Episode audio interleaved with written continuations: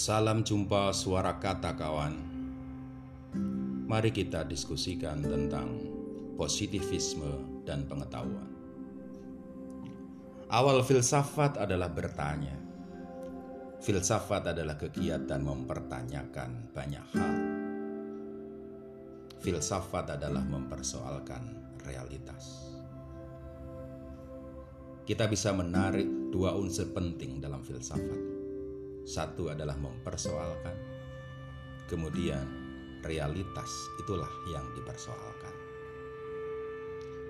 Misalnya, kita melihat sebuah realitas, ada pelaku usaha kecil yang kesulitan akses pembiayaan dari perbankan. Ini adalah sebuah realitas. Namun, Ketika realitas seperti itu kita anggap sebagai sebuah kewajaran, kita tidak mempersoalkan dan menganggap realitas itu sebagai fakta yang tidak boleh dinilai. Dan itu adalah fakta yang wajar terjadi. Maka kita tidak akan mendapatkan sesuatu. Kita tidak akan mendapatkan suatu pengetahuan. Kita tidak akan mendapatkan suatu pemahaman atau verstehen Sesungguhnya, persoalan pengusaha kecil yang kesulitan akses pembiayaan perbankan tadi, kita bisa teropong dari luar mengapa realitas itu terjadi. Kita bisa membandingkan, kita bisa mencari kaitan, kita bisa mencari sebab, menelusuri sejarah, dan lain-lain. Lantas, Kegiatan itu akan melahirkan pengetahuan tentang struktur-struktur mengapa realitas seperti itu terjadi. Kita bisa menemukan struktur ekonomi, struktur sosial, struktur politik, struktur budaya, dan lain-lain yang menyebabkan realitas terjadi seperti itu. Namun, jika kita mau masuk lebih ke dalam lagi dan mengungkap dari dalam, maka sesungguhnya kita akan jauh lebih banyak mengungkap banyak hal.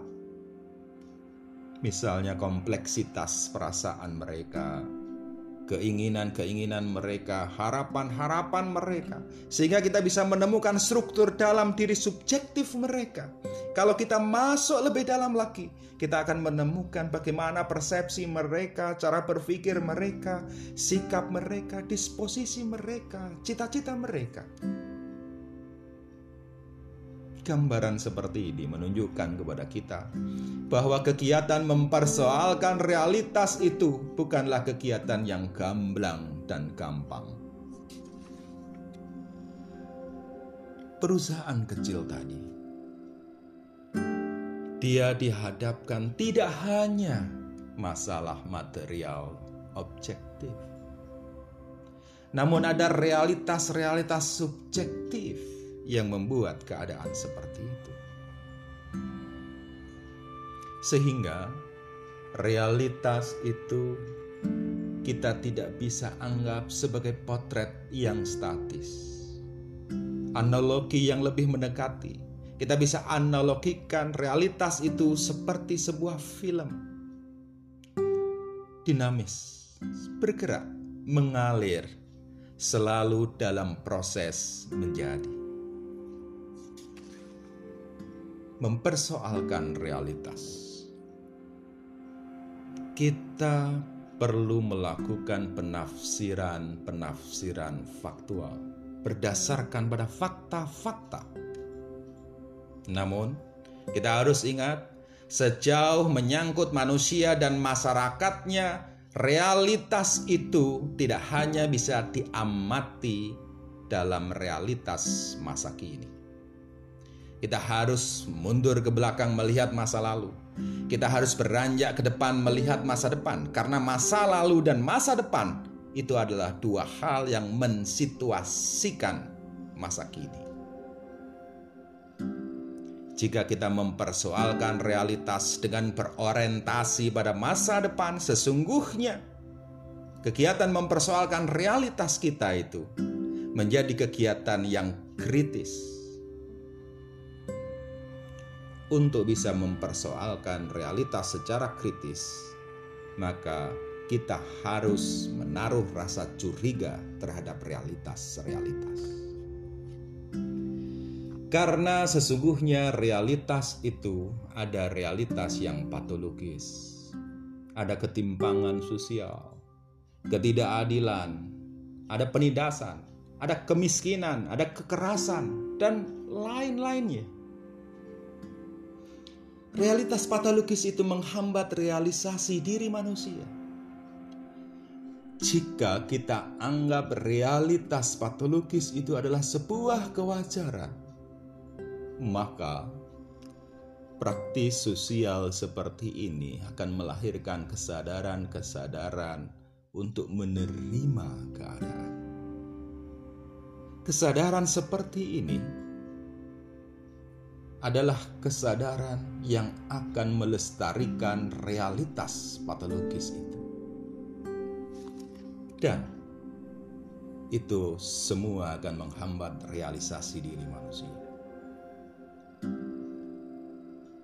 Realitas patologis ini sesungguhnya sulit atau bahkan tidak bisa kita kejar, kita temukan dengan menggunakan ilmu yang begitu mengagungkan masalah objektivitas. Mempersoalkan pengetahuan sering kali dilakukan dengan penelitian dan observasi. Dengan penelitian dan observasi, kita akan memperoleh pengetahuan Pengetahuan tentang apa? Pengetahuan tentang realitas. Kegiatan penelitian dan observasi ini melahirkan beragam pendekatan, beragam metode, prosedur, sehingga melahirkan beragam pengetahuan pula. Kita ingat DLT, memilah pengetahuan itu menjadi dua, pengetahuan alam dan pengetahuan sosial.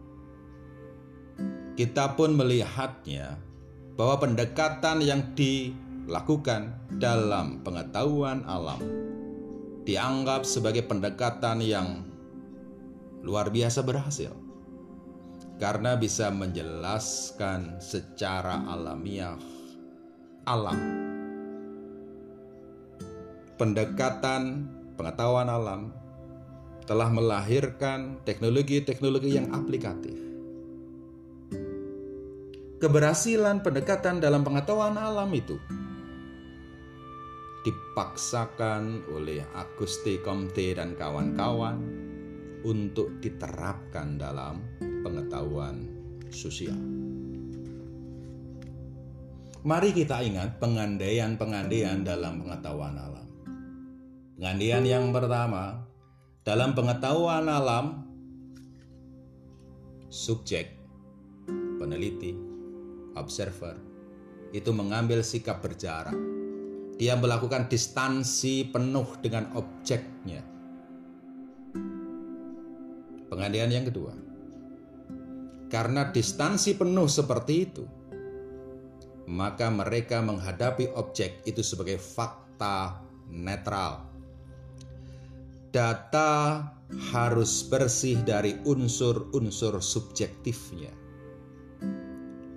keinginan, mimpi, nafsu, penilaian moral, dan lain-lain dibersihkan agar menjadi sebuah fakta yang netral.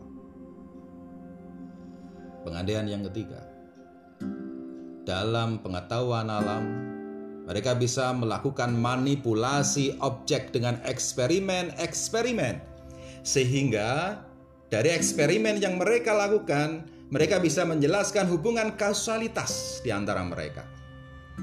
Pengandian keempat, dengan manipulasi-manipulasi itu, mereka melakukan logika deduktif nomologis.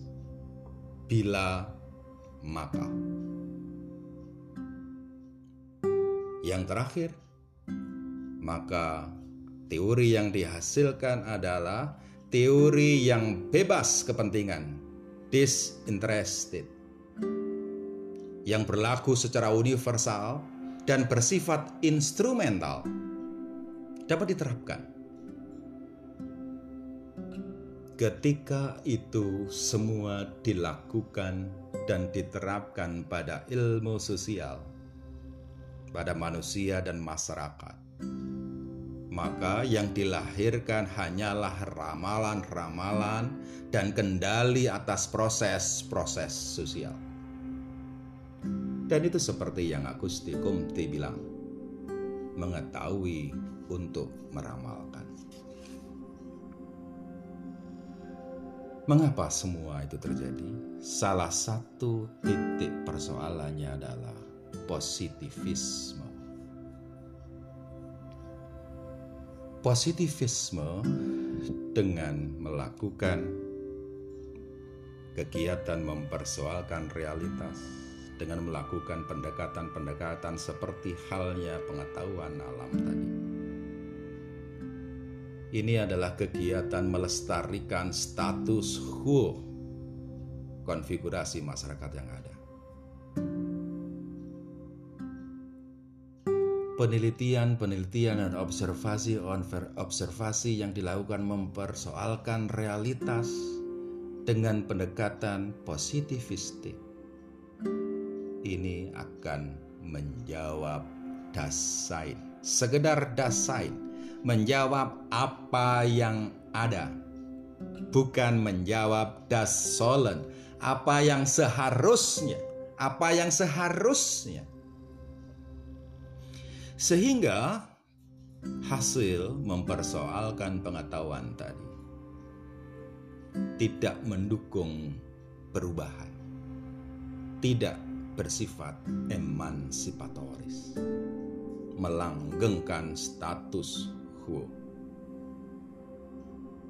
Saya kepingin mengutip pendapat F. Budi Hardiman di akhir bab 1. Hidup yang tidak dikaji adalah hidup yang tidak layak dihidupi. Realitas yang tidak dipersoalkan adalah realitas yang tidak layak dihayati. Mari kita selalu curiga dan selalu mempersoalkan realitas. Terima kasih. Sampai jumpa suara kata kawan. thank you